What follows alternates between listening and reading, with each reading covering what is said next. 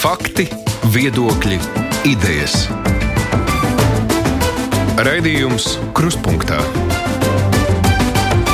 ar izpratni par būtisko.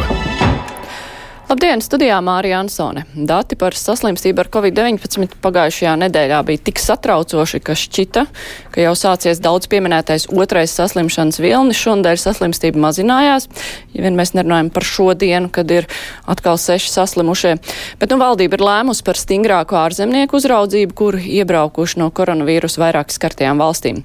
Tikmēr kļuva zināms, ka ar 22. gadu lielākajai daļai īpašumu pieaugs kadastrālās vērtības, ko visvairāk izjutīs jauno projektu iemītnieki un lauksaimniecības zemju īpašnieki. To un arī citus jaunumus apspriedīsim kopā ar Latvijas televīzijas žurnālisti Rudītas Pakovsku. Sveika, Rudīte! Sveiki!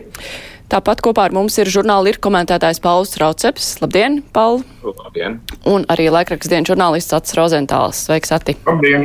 Uh, vispirms par uh, pagājušajās nedēļas daudziem saslimstības gadījumiem, kad uh, šonadēļ atkal bija tikai daži salīdzinoši, ja mēs neskaitām šodien. Kā jums šķiet, vai nu, tā bija viltus trauksme otrajam vilnim, vai tomēr atgādinājums, nu, ka nedrīkst atslāpt šajos jautājumos? Rudīt, kā tev šķiet?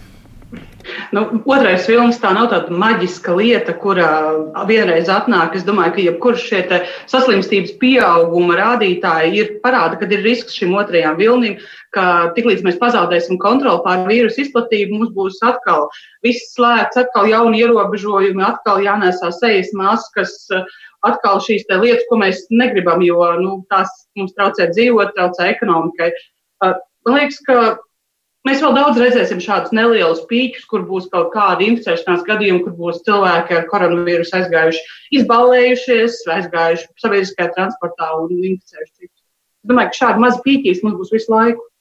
Bet nu, tas, ko valdība ir lēmusi tagad par ārzemnieku lielāku kontroli līdz pat uzturēšanās, pagaidu uzturēšanās atļauju kā tās pareizi saucās, termiņu uzturēšanas atļauju atņemšanai, nu, tas ir bargs sots, es tā iedomājos no ārzemnieku viedokļa, bet, nu, tas uh, liks ārzemniekiem būt patiešām apzinīgiem, jo, nu, visšķībāk jau daudzi skatās tieši uz automašīnām, kas ir iebraukuši no Krievijas, un nevienam nav pārliecības, ka tie cilvēki arī sēž mājās, tad, nu, šī kontrole, sankcijas, tas ir pietiekoši, Paula, kā tev šķiet? Es domāju, ka tas ir, protams, solis pareizā virzienā, bet uh, pietiek ar vienu. Ja mēs jau zinām, ka Dienvidkorejā tieši viens cilvēks izraisīja viņu to pirmo lielo uzliesmojumu, kas viņu tajā laikā, februārī, martā padarīja par uh, valsts ar otro vislielāko izplatību. Un tas bija vienkārši viens cilvēks, kurš uh, nu, īsti nav skaidrs, kāpēc ir daži cilvēki, kas tik efektīvi izplatīja, bet viņš bija starp tiem. Uh, un viņš apmeklēja vairākus lielus pasākumus, un līdz ar to viņiem bija ļoti liels uh, tas uzliesmojums. Es pa, šitie, pa pagājušo nedēļu teiktu, ka tur, nu, tur ir labā ziņa un sliktā ziņa. Tā labā ziņa ir, ka acīm redzot tas, ka mums ir šie mazie pīķi, mūsu uh, institūcijas, viņām pie, pietiek kapacitāte, lai tās arī izķertu un ierobežot, un tas, protams, ir labi, bet, bet uh, ir jāatcerās, ka tomēr var būt šie, lielie, šie uzliesmojumi un ka tas viss var notikt ļoti ātri. Uh, Uh, tieši tagad, uh, šodien virs, ir virsraksts par to, ka Izrēlā atkal sāk ieviest ļoti stingrus ierobežojumus. Viņiem maijā, valstī, kas ir gandrīz četreiz lielāka par mūsējo, viņiem uh, saslimstība bija arī tajā pašā līmenī, kāda mums pat labad ir māja vidū. Ja? Pagājuši divi mēneši, un tagad viņiem ir 2000 gadījumu dienā gandrīz. Ja? Divu mēnešu laikā tas notika ļoti strauji. Tā ka, tas, eh, tā ka nekādā gadījumā nedrīkst atslābt, un es tomēr vēl aizvien ar bažām skatos uz šiem lieliem pasākumiem, kas, tiek, eh, kas tiks atļauti augustā. 3000 cilvēku tur nu, pietiek ar vienu vai diviem, kas tur eh, aiziet uz to, un viņiem nav jābūt no Krievijas vai kaut kurienes citurienes. Un tad var tas uzliesmojums būt diezgan, diezgan liels. Jā, tik kā tev izskatās?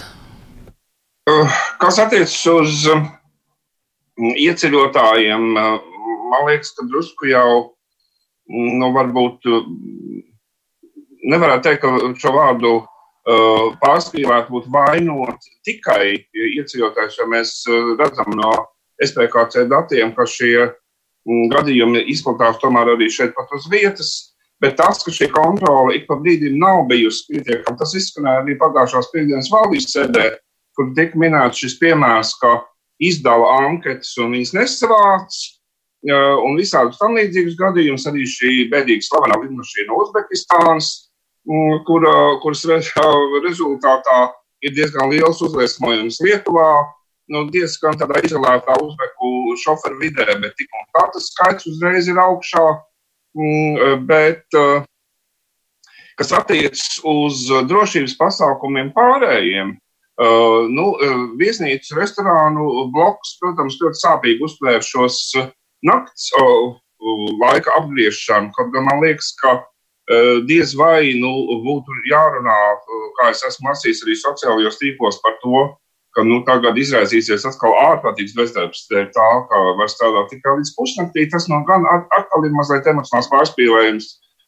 Bet uh, tas, kas man šobrīd, skatoties uz šo situāciju kopumā, mazliet mulsina, ir tomēr tās nekonsekvences, par kurām mēs arī ar kolēģiem esam pārunājuši arī sociālajos tīklos un arī teiksim, savā starpā, e, kā e, atsevišķām jomām šī ierobežojuma tomēr ļoti atšķiras. E, un, teiksim, ja mēs salīdzinām teātras zāles, vakar bija Dāvidas teātrī, kur ir ļoti strikti šie četri metri uz vienu cilvēku un ir milzīgas starpes starp skatītājiem lielajā zālē, un salīdzinām to ar autobusus, piemēram, Rīga, Daugopils vai Rīga Liepāja, kur arī tāpat brauc trīs stundas un, un varbūt pat vairāk, kur šis blīvums jau šobrīd ir pieļauts absolūti viens pret to, tad ir jautājums, kāpēc ir šī nekonsekvence, kāpēc vienā gadījumā mēs to pieļaujam, un otrā gadījumā mēs to nepieļaujam. Jā, jo, mums ir, mums ir arī klausītāja atrakstījusi tieši e, vēstuli tieši par šo problēmu. Viņa arī norāda, ka teātri, koncerti, ka tur cilvēkiem ir jāizretinās, kas attiecīgi nozīmē, ka var atnākt mazāks klausītāju, skatītāju skaits. Tajā pašā laikā tālsatiksmes autobusos tur var sēdēt visi blakus un bez maskām, un maskas vairs nav obligāts. Jā, tas bija šobrīd uz visām vietām. Jā. Tas nozīmē, ka reāli arī šie vilcieni un autobusi ir pilni. Un tas nozīmē, bet jautājums, un viņas jautājums savukārt ir, kā interesēs tas ir, varbūt to ir panākuši šo te auto pārvadātāju īpašnieki. Pārvadājumi īpašnieki. Tās var būt ekonomiskas intereses, kāpēc vieniem ir izdevies izsist atvieglojumu mazināšanu, bet citiem nē. Nu, ja Protams, vienmēr var piesaukt kaut kādas ekonomiskās intereses un lobbyus, bet es domāju, ka drīzāk tas iemesls ir jāmeklē tajā laikā, kad uh, tika at atteicās no maskām sabiedriskajā transportā. Nu, uzraugošās iestādes diezgan godīgi atzina, ka viņi to dara. Nevis tādēļ, ka būtu principiāli pazudis risks inficēties, bet tādēļ, ka cilvēki to neņem vērā. Un uh, ir sliktāk, ja mums ir noteikumi un neviens viņu neņem vērā. Tas nozīmē, ka arī pārējos neņems vērā nu, ja mēs kaut ko stiprināsim vai mainīsim. Bet tajā Tas pašā laikā. reakcijas realitāte. Bet ja ir ierobežojums un vismaz daļa zina, ka ir šāds ierobežojums, tad varbūt nu, sabiedrībai paliek kaut kāda apziņa, ka tomēr viss nav beidzies, jo tajā brīdī, kad atceļ ierobežojumu, nu tad visās galvās saslēdzas, ka, ā, laikam situācija vairs nav tik nopietna. Domāju, Mārtiņa nav runa par pilnīgu ierobežojumu atcelšanu. Te ir runa par uh, nu, tādu pragmatisku skatījumu uz to, kurā brīdī, kur ierobežojumi strādā un kur nestrādā. Uh, bet uh, es domāju, ka šī gadījumā, ja mēs salīdzinām šo transportu un kultūru, tad vienkārši ir atkal šis vecais uh, droši vien viedoklis par to, ka kultūra ir tāda izklaide, bez kuras var iztikt, un transports savukārt ir tā lieta, bez kā nevar iztikt. Bet tas vīrus, kas ceļo, jo ceļo gan tur, gan tur, un pie tam, ja kultūras iestādē mēs ejot iekšā, dezinficējam rokas un mums pārbauda uh, Dāvidas teātrī ejot iekšā visiem pārbauda temperatūru, tad kāpjot iekšā kaut kādā pieturā mm, pa ceļam, teiksim, no Valmieras uz Rīgu, ja, ja Covid šajā uzliesmojuma, lielā uzliesmojuma laikā mm, teiksim, bija ļoti strikti un viss tiešām kāpa maskās un, un tam līdzīgi, tad šobrīd jau vairs, tas vairs nekas no tā nenotiek. Un tur var iekāpt un cilvēki kontaktē daudz aktīvāk, ja mēs sakām, ka pilieni izplatās runājot, viņi sarunājas daudz aktīvāk sabiedriskajā transportā nekā sēžot un skatoties teātrus izrādi. Ja viņi sarunājas pa telefonu, viņi pieskars viens otram, iet pa eju, uh, un nekas no tā nenotiek teātrī. Un tad ir šis jautājums, kas tiešām kultūras darbinieks šobrīd, cik es vakar arī lasīju, satrauc, kāpēc šī attieksme ir tik atšķirīga. Bet kāda ir tava versija, kāpēc šī attieksme ir tik atšķirīga? Tāpēc, kad ir uzskats, es ticamāk, ir uzskats, ka transports ir neatliekamāka lieta salīdzinoši.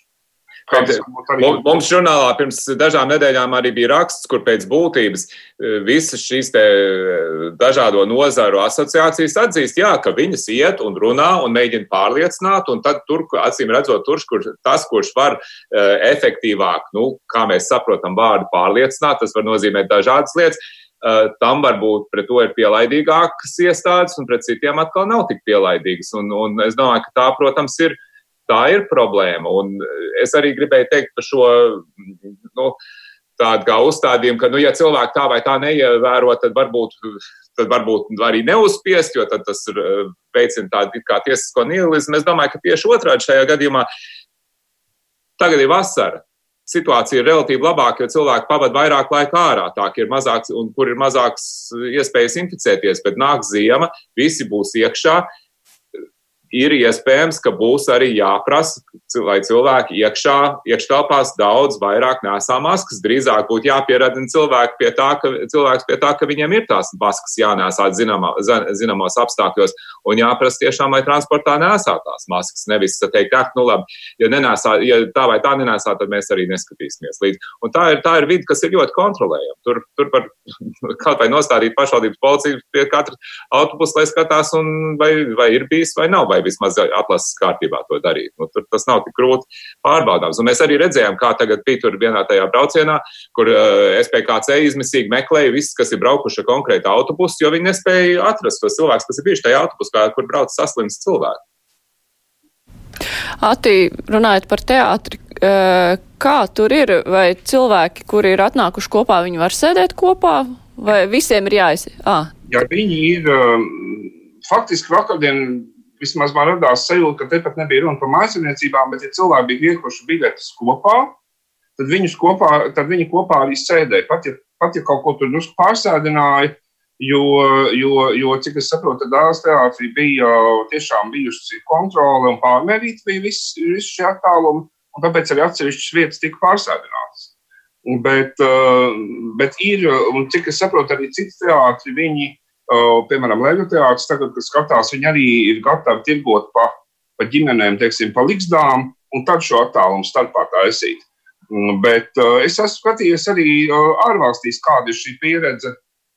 Paskatījos, piemēram, vienu koncertu, ko šobrīd tirgo Romā, un tur ir tā, ka tur ir pa divi un pa vienam. Un, ja tu uh, gribi nopirkt to vietu, kas ir pa divi, tu vienu vietu tur nopirkt nevar. Viņi jau sā, sākumā jau tirgojot, saliek kaut kādas līgstas Eh, kas ir pa divu un kas ir pa vienam. Tā kā nu, dažādi ir tā pieeja.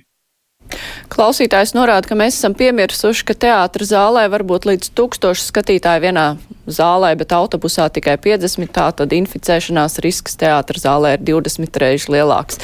Tas ir korekts aprēķins vai tomēr nē? Ja mēs runājam par attālumiem, tad tas nav korekts aprēķins. Protams, uh, Jo es, es joprojām nesaku, ka ir jāatļauj pilnīgi visiem tūkstošiem cilvēkiem sēdēt. Bet uh, tāds izritinājums, kāds tas, kādu mēs to redzējām vakar, tur, nav, tur nav šī atšķirība. Tiešām tajā brīdī, ja mums, mēs runājam par šiem četriem metriem, uh, tur nav šī atšķirība, vai es divas stundas sēžu sabiedriskajā transportā vai, vai teātrī. Tur nav. Jā, par saistītu tematu klausītāja rakstā. Man radies iespējas, ka mūsu kultūras ministrs ir viens autoritārs tips, kurš nespēja atkā, atkāpties no tā, ko nolēms, pat ja veselais saprāts saka pretējo bēdīgi. Labāk būtu domājis, kā noturēt pie dzīvības teātrus, tiem no koncertzāles būvniecības labāk nepaliks, ja nu vienīgi aktieru izdzīvošanas vārdā neies piestrādāt par cementa spaiņu nesējiem. Rudīt šī ekonomikas sildīšana par visu varu tu redzi labumu tām nozarēm, kuras reāli cieš no Covid krīzes? Labumu no koncerta zāles vai celtniecības? No, no koncerta zāles celtniecības ekonomikas sildīšanas vārdā. Nu, tas jau ir diezgan klasisks, klasiska metode, ka, ja tev ir jāsilda ekonomika, tad parasti kaut ko ceļ. Vai tie ir ceļi, vai tās ir koncerta zāles, tilti, vai vienalga kāda liela infrastruktūras objekta. Tā ir diezgan nu, klasiska rīcība, jo tas dod darbu celtniekiem. Celtniecības materiālus tu parasti neieved no ārvalstīm, parasti lieto vietējos. Nu, tur ir tā ekonomiskā loģika. Bet tā ir diezgan viena tā. šaura niša tomēr, kas neatiecās uz tiem, kuri savukārt no šīs krīzes patiešām cieš. Tie ir ēdinātāji, tie ir šie mākslinieki, kultūras darbinieki, visur, kur ir jāpulcējas. Tās ir divas tik attāls jomas, ka kā tā nauda sajauksies kopā? Nu, celtnieki, un celtnieki un cilvēki, kas ceļ šo koncertu zāli, viņi arī ēd. Viņi arī dodas uz teātru. Viņi ēdīs vairāk un dosies uz teātru, uz kuru nedrīkst iet. Kaut kā tā. Nu, Pagaidām, paga, nejauksim kopā ekonomisko atjauju, atjauju izaugsmi ar uh, ierobežojumiem, kas ir pilnīgi dažādas diskusijas. Bet, ja mēs runājam, kāda ir ekonomiskais iegūms no kaut kā celšanas, tad tas ir tas, ka ir nauda, Un pēc tam tie cilvēki, celtnieki, būvnieki, piegādātāji, kas šo naudu saņem, viņu tērē Latvijā, viņi rotē apkārt, viņi kā nodokļi atnāk pie mums atpakaļ, vietējam veikalam ir pirkumi, vietējai kafejnīcai ir ēdāji, viņi aiziet uz teātri, viņi brauc izklaidējas vai dara, ko nu viņi tur dara. Vai tā ir koncerta zāle, kā mums ir jāsilda šī ekonomika? Tas nu ir, tā nu ir liela, liela diskusija. Koncerta zāle mums vajag, vai viņi vajag tur, tā ir vēl milzīga diskusija. Bet nu, tā ekonomiskā loģika, protams, ir nu, tāda, kāpēc ir tiek runāts par ceļu būvu, par visiem šiem milzīgajiem celtniecības projektiem. Kā, kā Ati, tu atbildētu šo komentāru? Es domāju, ka nevajag pretstatīt šīs lietas, gan noteikti nevajag pretstatīt. Tāpat kā ikdienā, tā arī krīzes apstākļos ir, ir dažādi šie veidi, kā, kā risināt šos jautājumus, un šīs lietas kopā maisīt nevajag. Tas, ka var izmantot un vajag izmantot situāciju, ja vien ir nauda un ir iespēja pie šīs naudas tikt, šo naudu ieguldīt infrastruktūrā tādā vai citādā, par to, manuprāt, diskusijai nevajadzētu būt. Un Dievs pasarg nevajadzētu nekādā gadījumā restatīt teātrus koncertu zālē. To nekādā veidā. Kultūra ir vienā laivā. Un pie tam Nu, teiksim, tā, ja mēs runājam atkal par šo uh, cita veida naudas ieguldījumu, kā, kā, kā to var nokompensēt um, teiksim, cilvēkiem, nu, šobrīd ir dažādi. Nu, es domāju, ka uh, vienai daļai uh, cilvēku, kas nebūs gatavi iet nekur, nekādus cementu spāņus nest, un kuri tiešām gaida, kad uh, viņiem šāda iespēja būs, nu, mēs viņiem nevaram nekādā citādā veidā palīdzēt, kā kaut kāda veidu šiem atbalsta mehānismiem. Jautājums, vai tie ir pietiekami, bet, eh, bet nevajadzētu tiešām eh, šīs lietas kaut kā statīt vienu pret otru. Paul? Es, es piekrītu, ka eh, tas, ka būvēs koncerta zāli, tas nekādā veidā neietekmēs, vai teātri tiks atbalstīti, cik lielā mērā viņi ir jāatbalsta, kas ir viņu nākotne, kā viņi varēs darboties jaunajā pandēmiskā, ekonomiskā sistēmā, kāda mums būs. Jo es domāju, ka teiksim, tas, tas ir arī jāatzīst, ka tā ekonomika, kas mums bija līdz šī gada sākumam, nebūs tā ekonomika, kas mums būs nākamos. Nu, Minimums divus, trīs gadus, un varbūt pat ilgāk. Jo, jo nu labi, tagad mēs dzirdam diezgan uh, cerīgas ziņas par iespējamu vakcīnu, bet kamēr viņš saražos, cik ilgi viņš būs derīgs, tad visi tie jautājumi vēl ir ļoti lielā mērā miglā tīt. Un man liekas, ka, teiksim, ka te pat, pat bez tā visa, protams, būs eh, lielas izmaiņas ekonomiskajā sistēmā, kam cilvēki tērē, kur viņi gatavi braukt, par ko viņi ir gatavi izdot naudu. Eh, tā kā tas, man liekas, ir viens no lieliem jautājumiem, arī ja runā par dažām šīm nozarēm, kas bija ļoti atkarīgas no turisma, no tā, no tās ceļošanas, kas notika līdz eh, šī gada sākumam, cik lielā mērā viņas vispār spēs noturēties virs ūdens, ja šī sistēma mainās, un tas acīm redzot arī notiks. Jā, es atgādināšu klausītājiem un Latvijas televīzijas skatītājiem, ka šodien kopā ar mums ir Latvijas televīzijas žurnāliste Rudīts Pakovska, Ats Rozentāls no laikraksta Diena un Pauls Rauceps no žurnāla ir, un mēs runājam par svarīgākajiem nedēļas notikumiem, un tad nu, mēs pārīsim pie cita temata, un tas jau būs kadastrālās vērtības. Raidījums Krustpunktā. Jā, ir prezentētas šīs jaunās kadastrālās vērtības, un jau ir sarēķināts, ka daudziem tās būs lielākas, divas, četras reizes. Tur katrs var apskatīties, cik daudz, un katrā ziņā nu, cilvēkiem ir iemesls uztraukties. Jautājums ir, kas tagad būtu jādara valdībai, kura saprot, nu, jā, ka tagad uh, cilvēkiem var pie esošās situācijas pamatīgi celties nekustamā īpašuma nodoklis, nu, pietiekoši nopietni, vai tagad valdībai ir jādomā, kā to saglabāt daudz maz esošā līmenī? Rudīt, kā tev šķiet, kas tad būtu nākamie soļi? Nu, es domāju, ka nākamie soļi ir tādi, ka mums ir ļoti, ļoti nopietnai jābūt diskusijai un ļoti nopietni jāskatās, kas notiek ar nekustamā īpašuma nodokli. Jo līdz šim mēs turējām zem kadastrālās vērtības, attiecīgi nodokļi bija lielākai daļai samaksājumā diapazonā, nu, un kaut kā mēs dzīvojām. Tagad, nu, cik ilgi tu turēsi kadastrālo vērtību neadekvātu, nu, tas vienā brīdī tam ir jābeidzās. Tagad tas beigsies.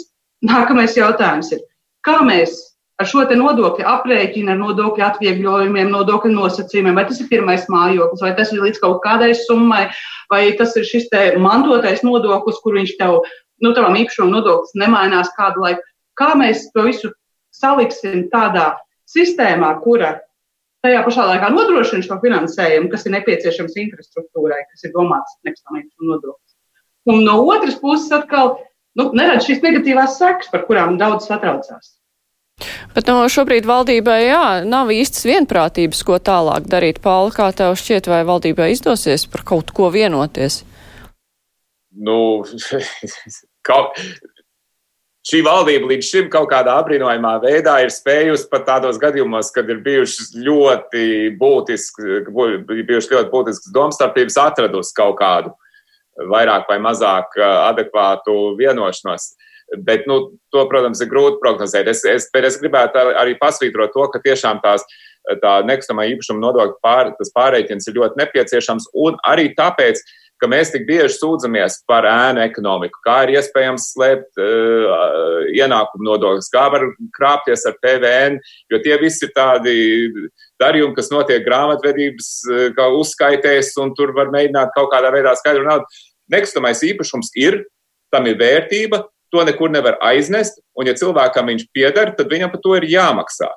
Un tas tādā ziņā ir gan taisnīgākais, gan arī visvieglāk administrējamais nodoklis, kāds vispār ir, ko, ko ļoti grūti apiet, un tas ir pareizi. Tāpēc, nevajag, tāpēc ir svarīgi, uh, lai cilvēki maksā atbilstoši viņu īpašumu vērtībai.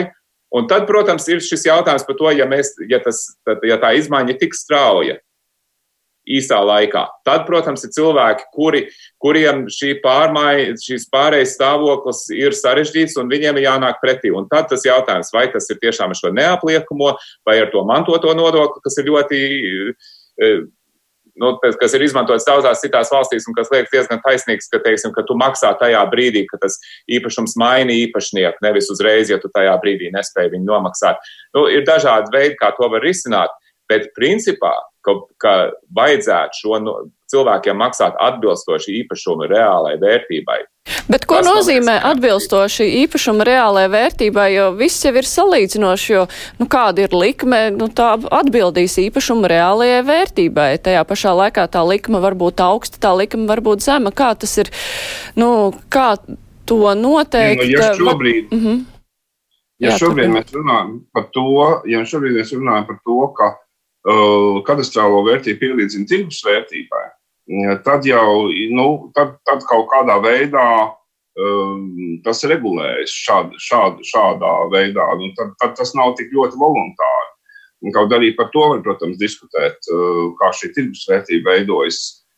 Bet um, katrā ziņā ir jau atsevišķi sektori, uh, kuri droši vien arī mēģinās darīt to, ko viņi ir darījuši iepriekš. Man bija saruna ar kādu pēkšņi neatceros, kurš cilvēku, kurš dalījās atmiņās par to, kā savā laikā, teiksim, lielie zemnieki, lielās zemnieku saimniecības nolabēja to, ka uh, lauksaimniecībā izmantojamai zemē uh, šis, uh, šīs katastrofālās vērtības bija salīdzinoši zemas. Un līdz ar to arī šie uh, nodokļi bija salīdzinoši zemi. Uh, un, uh, tajā brīdī, kad tas ies augšā, jo tas tiek minēts par vienu no faktoriem, kas uh, pilnīgi noteikti notiks, uh, tad, uh, tad, protams, ka tur būs diezgan liela pretestība, jo jau šobrīd taču mums tomēr zemnieki ik pa brīdim prasa dažādu veidu subsīdijas, un tad viņiem tas atkal, nu, tad viņi vēlēsies, lai to arī kaut kādā veidā kompensē. Vai to darīs vai nē, tas būs politiskā izšķiršanās. Savukārt, kas attiecas uz šiem mājokļiem, tur atkal ir nu, jāskatās lielā dialogā ar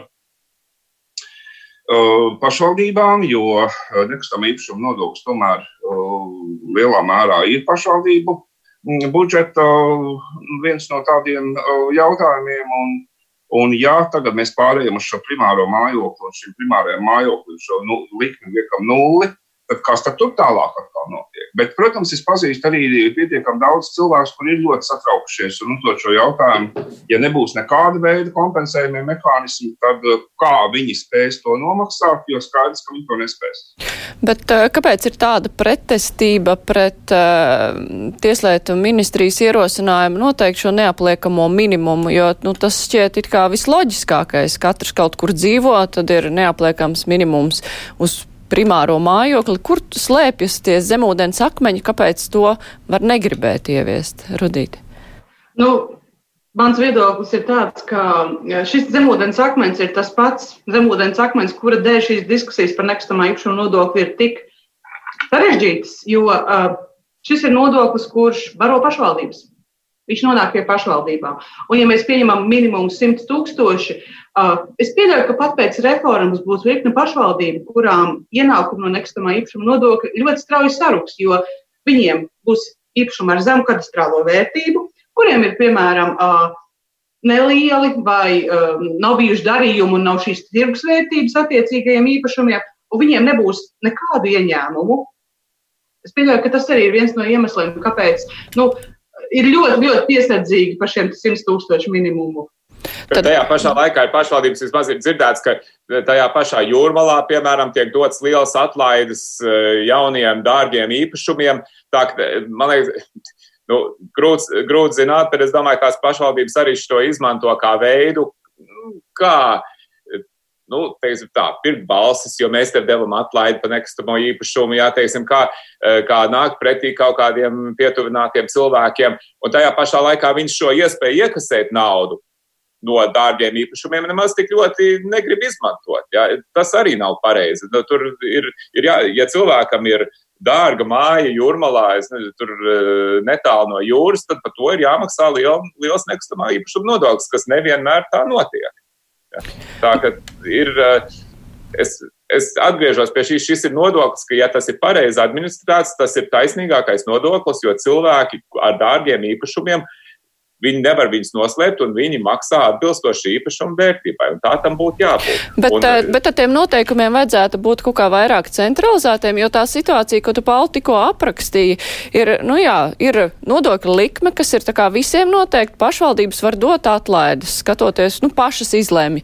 Bet tad eh, beigās sanāk tā, ka atlaidi varbūt nedabūt tas, kuram, nu, tā kā darētu tā atlaide, bet dārgie īpašumi netiek aplikt ar pienācīgu nodokli. Bet kā tad padarīt taisnīgāk to situāciju, lai nu, vienkāršie cilvēki, kuri dzīvo savā vienīgajā mājoklī, nu, tad viņi to var nomaksāt un apliekam dārgos īpašumus. Tad to vajag vairāk centralizēt vienotus noteikumus visiem, nedot pašvaldībām tādas izpausmas brīvības vai kā to izdarīt? Nu, nu, viens ir varētu, varētu noteikt Uh, centralizēt noteikumus, uz ko, kādu pamatu dod atlaides. Un tas ir atkal, mēs atgriežamies, var, varbūt klausītājiem tā, tā sistēma nav zināma, bet, piemēram, Dānijā ir tā, ka pacēla nekustamā īpašuma nodokļu. Ir cilvēki, kas dzīvo ģimenes mājās, kurā ir dzīvojuši vairākās paudzēs, un pēc, pēc īpašuma uh, vērtības pieauguma viņi nevar šo nodokli nomaksāt. Kas notiek? Ja konstatē objektīvi, ka tā tas ir, tad pasaka, labi, kamēr jūsu ģimene šeit dzīvo, šo nodokļu nomaksu atliek. Bet tad, kad īpašums pāriet citā īpašumā, tad tas ir jūs, teiksim, jūs varēsiet iegūt to naudu ko, no šī dārgā īpašuma viņa pārdodot, bet no tā būs jāatskaita tas nodoklis, ko, ko līdz šim jūs nesat maksājuši. Un līdz ar to viņiem būs iespēja, viņi, kamēr viņi vien gribēs, varēs tur dzīvot, bet tajā pašā laikā, tad, kad īpašums maina īpašnieku, tad viņi tad tā, tas nekustamā īpašuma nodoklis tiks nomaksāts. Tādā veidā neviens netiek izspiests no īpašuma, vai ne, viņam netiek uzliekts šajā brīdī nepievērot ne, nepanesams sloks, bet tajā pašā laikā tā īpašuma vērtība tiek arī nu, attiecīgi notaksēt. Ja. Tā, tas, bet redzi, tas, tas nozīmētu, ka tomēr tie, kas ar tiem dārgiem īpašumiem, kas nevarētu kvalificēties šai programmai, viņiem būtu jāmaksā par pilnu programmu, un tā, tas, tā tam arī būtu jābūt. Um, tā kā tas ir, tā ir nauda, ko saņem pašvaldības, tad paralēli droši vien ir jārunā arī par veselības nodokli, kas tika apspriests valdībā, kas arī paredzēja samazināt pašvaldību budžetus, vai šis veselības nodoklis varētu apgrūtināt uh, kaut kādu vienošanos par nekustamā īpašuma nodokļa uh, nu, likuma mazināšanu vai kaut kādām tādām būtiskām pārmaiņām, kas varētu mazināt pašvaldību ienākumus, kā jums šķiet? Es domāju, ka tas ir diezgan acīm redzami, ka tas apgrūtinās, jo pašvaldībām šobrīd ir vesela virkne jautājumu, par kuriem ir diezgan asas diskusijas. Pat tāpat administratīvā teritoriālā reforma, par kuru mums būs vēl, saprotu, satversmes tiesā sarunas. Uh, ir šis veselības nodoklis, kas samazina pašvaldību ienākumu daļu, un ir arī vēl šis nekustamā īpašuma nodoklis.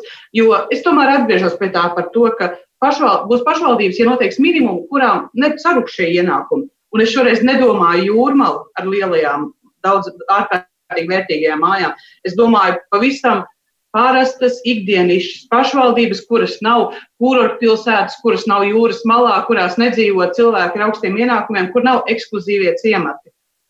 Pilnīgi vienkārši. Es nezinu, jebkura Latvijas pašvaldība, viņai nosakot šos minimumu, sarukšie ienākumi, plus vēl veselības nodoklis. Es domāju, ka tas ir ļoti nopietnas diskusijas, un man ir nedaudz bāžas par to, cik ļoti mēs šobrīd spēsim šīs lietas izrunāt un atrast tādu optimālu risinājumu. Ati. Jā, nu, es domāju, ka mm, pašreizējai koalīcijai gan ir diezgan augsturīgi tas, ka viņi tomēr, lai arī uz šo dialogu iet, nevienmēr tajā uh, pretējā pusē ieklausās un um, līdz ar to vai pašvaldības, teiksim, nu, tad viņiem ir ļoti jāgatavojas. Es domāju, ka viņiem būtu jāiet šo sarunu vispār tiešām ar tādu kompleksu redzējumu, kas vispār notiek ar šiem, ar šiem budžetiem, jo, jo tur ir vairākas, vairāk aspekti. Tāpat ir bijušas cīņas par IN procentu pārdali uz vienu vai otru pusi katru gadu. Valdība kaut ko tādu mēģina pavilkt uz vienu pusi, pašvaldības pretojas. Un, un, un šīs var, var, var, var šie diskusiju objekti parādīties atkal un atkal. Jo tas, ka šobrīd arī uh, šo papildus spriedzi rada fakts, ka uh, pašvaldībām jau arī īsti nav saprotams, kā izveidosies šie budžeti pie jaunajām teritorijām, kas tad beigās tur kopā saplūdīs. Tur vēl ir vienai daļai jāpārdala kaut kādi pagasti, kā tur tās naudas uh, aizies vienā vai otrā virzienā. Un, protams, ka pašvaldības līdz ar to ir nervozas par to, par katru būtībā katru uh, eiro un, un uh, katru centu būtībā, uh, jo viņiem ir jā, jā, jāsaprot, vai viņi kādā brīdī nenonāks situācijā, ka viņi nespēs veikt pašvaldību autonomās funkcijas. Un, un notiek jau arī diskusija par to, kādas šīs funkcijas būs, kurā, kurā situācijā. Tāpēc arī šī cīņa arī par to, lai būtu šis vēl viens uh, līmenis, uh, kas risinātu kaut kāds vien, uh, viens vai otrs uh, jautājums jau tādā lielā reģionālā līmenī, lai tas viss nav uz tām konkrēto pašvaldību pleciem. Jo, jo tur būs milzīgas problēmas šajā pirmajā gadā, kad ievēlēs 21. gadā jaunajās teritorijās. Mm, man liekas, ka tur ir tik ārkārtīgi daudz nezināmo, ko viņiem arī nespēja šobrīd izskaidrot. Ja? Uh, ņemot vērā to, ka nespēja izskaidrot ministrija arī, piemēram, kaut kādas solītās ceļu naudas, uh, kas būs un, un, un tā tālāk, un tā tālāk, nevar saprast, kur šīs naudas tiks ieguldītas. Es domāju, ka pašo, šis pašvaldības satraukums ir pamatots un ka, uh, ka tur tām sarunām ir jābūt ļoti nopietnām un, un jāgatavojas visām pusēm, kas šajās sarunās piedalās ļoti nopietni ar ļoti nopietniem aprēķiniem. Bet mums būs viens vēlēšanas jau vasaras beigās, un uh, rīdziniekus uh, ļoti skar uh, šī ziņa par kadastrālo vērtību celšanos. Kā jums šķiet, vai ejot uz šīm vēlēšanām, šis jautājums arī tiks iznests tālāk, Pala, kā tev šķiet? Vai ar to partijas spēlēsies? Nu, grūti spriest. Tas jau nav tikai Rīgas jautājums. Teiksim, tas ir nacionāls Protams, ja iedzīvotāji vēlēšanas būs Rīgā. Nē, nē, nē, es, nē nu es saprotu, bet nu, teiksim, tas, tas jautājums tiks lemts lielajā valdībā, ne jau Rīgā, kā tiks notiks, tas, kā teikt, kā aprēķinās nekustamo īpašumu nodokli un, un, un kādas būs likmes un tā tālāk. Tā, ka, iespējams, ka, iespējams nu, runāt jau var pa visu, ja mēs te runājam par kājām un visu kaut ko citu, ko, tā, ko tā doma netaisās darīt. Tagad es domāju, ka tur ierobežojumu politiķiem solīt un apspriest nav nekādu, bet vai šis būs, vai šis būs galvenais temats. Es arī nezinu, tāpēc, ka vienkārši tiem kandidātiem jau iespēja to lēmumu, vismaz tajā līmenī, kurā viņš šobrīd atrodas, ietekmēt, ir diezgan minimāli. Nu, Tā. bet tur ir eh, viens un tās pašas partijas, kurām tagad būs jālēma valdībā par šo jautājumu. Tās arī iet uz domu tagad arī. Tā tas skaitā. ir, bet es domāju, ka tās partijas arī, nu, es domāju, ka tie kandidāti nevienmēr vēlas sevi tie tik cieši identificēt ar to, kas notiek lielajā valdībā, jo tas uzreiz viņiem uzliek atbildību to risināt. Ko, ko, es domāju, ka Rīgas gadījumā viņi izmanto to ne par velti vakardien vienotības pasākumā ar divriteni atbrauc Kariņš. Uh, un uh, šī retorika ir dzirdēta par to, ka arī tajā, arī tās partijas, kas, teiksim, uh, nu, šobrīd pēc reitingiem nemaz neizskatās KPVLV pasākumā, piemēram, Jānis Vitsenbergs ļoti priecīgi teica, ka viņš, kā ekonomikas ministrs, gan ļoti priecātos sadarboties ar Rīgas mēru Alpu Nemīro. Uh, atsevišķos gadījumos šī retorika var izklausīties naivi, bet principā uh, tas, ka mums ir atbalsts valdībā, mēs iesim ar, uz dialogu ar valdību un saimu. Uh, šāda retorika šobrīd izskan, un tā var izskanēt jebkurā jautājumā, tā skaitā jautājumā par nekustamā īpašuma nodokli. Jā, tam, tam es piekrītu, bet vai, vai viņi būs gatavi šo jautājumu cilāt, ņemot vērā to, ka tas nu, nekāds īsti patīkams solījums uh, valdības partijas nevarēs dot, jo viņām tomēr tas nekustamā īpašuma nodokļa, eh, tāds, tās katastrālās vērtības noteikti ies uz augšu. Nu, ko ies uz vēlētājiem solīs, ka mēs paaugstināsim jūsu katastrālās vērtības, tad nekā, nekā, es domāju, ka vēlētājiem var, solīt, vēlētājiem var solīt to, ka mēs uh, dosim maksimāli daudz visādi veidu kompensācijas.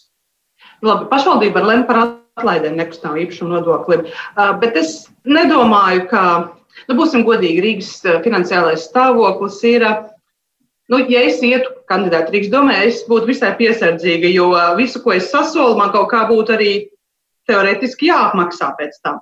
Un es domāju, ka tomēr ir mazliet piesardzība solīt atlaides visiem, viss par velti, viss brīnišķīgi, jo kaut kādā brīdī tas viss arī būs jāapmaksā. Bet tajā pašā laikā, nu tad jaunā konservatīvā partija, kuras tieslietu ministrs aizstāv domu par neapliekamo minimumu nekustamā īpašuma nodoklim, tagad, nu, tā kā ir iedzīts kopā ar Rīgas mēra amata kandidātu, nu viņiem tās intereses tad sadalās, tad viņi ir tādā visneizdevīgākajā situācijā sanāk, ka jāsola ir pretējas lietas. Tā kā.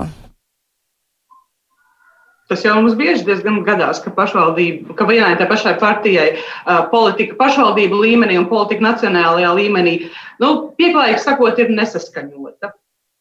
Nē, nu ir jau kaut kādas lietas, uz kurām var ļoti labi strādāt uz vēlētājiem.